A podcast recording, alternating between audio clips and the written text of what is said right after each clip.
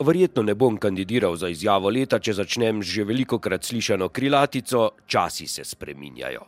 V mislih imam tokrat seveda zibelko smučarskih poletov dolino pod Poncami, ki se je iz črnega laboda z nordijskim centrom spremenila v prelepo princesko. Še pred petimi leti bi ob četrtkovem dežju obiskovalci stali do vratu v blatu, če malce pretiravam, junaki planice, kot smo včasih z veliko mero sarkazma označevali najbolj opite, najbolj načete obiskovalce športnega praznika, pa bi tvegali kar nekaj pristankov v globokih lužah. Teh prizorov, ki nam res niso bili v ponos, zdaj ni več. Pa ni vse v nordijskem centru in urejeni okolici, svoje je naredila tudi prepoved vnašanja alkohola na prireditveni prostor.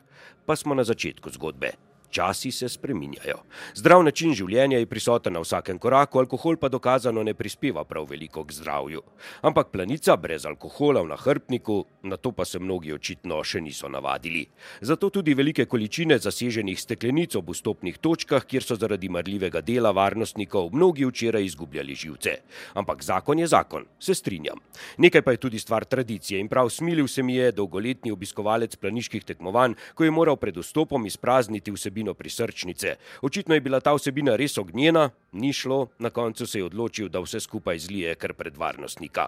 Pa me je stvar začela malo bolj zanimati. Kaj torej lahko obiskovalci planice prinesejo seboj, da ne bi slučajno imeli težav?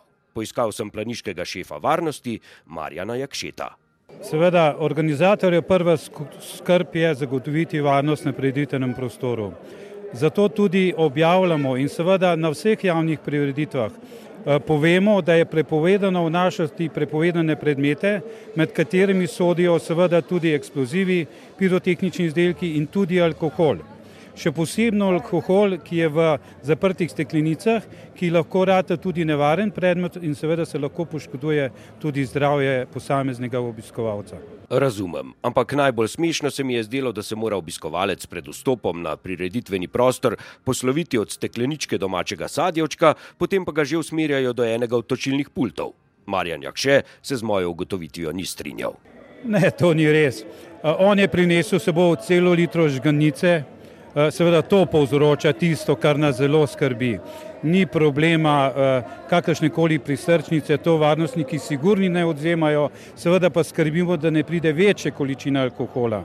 Je pa res, dejansko prepovedano je vnašati alkoholne pijače na športni objekt. In seveda varnostniki svojo nalogo morajo opraviti. Opravljajo pa tudi zaradi večje varnosti samih obiskovalcev pa se nisem dal. Na lastne oči sem videl, kako je moral prej omenjeni planiški junak sprazniti prisrčnico. Marjan Jakše, šef varnosti, se je na moje ustrajanje o tem, da bi bili pri vsem skupaj varnostniki lahko tudi bolj življenski, čeprav razumem, da samo izpolnjujejo naloge, le malo omehčal.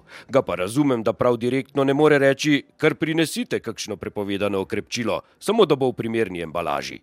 Ne, da ne smem reči, bom povedal, gre za sorazmernost ukrepa, seveda to je športna preditev, vendar je tudi preditev slovencev. In tudi zaradi tega je pravilno, da varnostnik ravna sorazmerno in če lahko rečem, če ne smem reči ali lahko rečem, seveda se tudi da za svojo občutek boljšega počutja na preditevnem prostoru vnesti tisto prisrčnico, v kateri je tudi nekaj tistega, kar si obiskovalec želi tukaj na preditevnem prostoru. Pa da ne bi napačno razumeli, kaj sem s to ne prav jutranjo in ne prav športno tematiko sploh želel povedati. Veliko več boste imeli od samih poletov, če jih boste spremljali trezni. Časi se spreminjajo, in prepričan sem, da bo danes večina po koncu tekme vedela, katero mesto je osvojila slovenska ekipa. Še nekaj let nazaj so mnogi šele naslednji dan izvedeli, kaj se je dogajalo na tekmi, na kateri so bili prisotni. Prisebni pa ne prav dosti.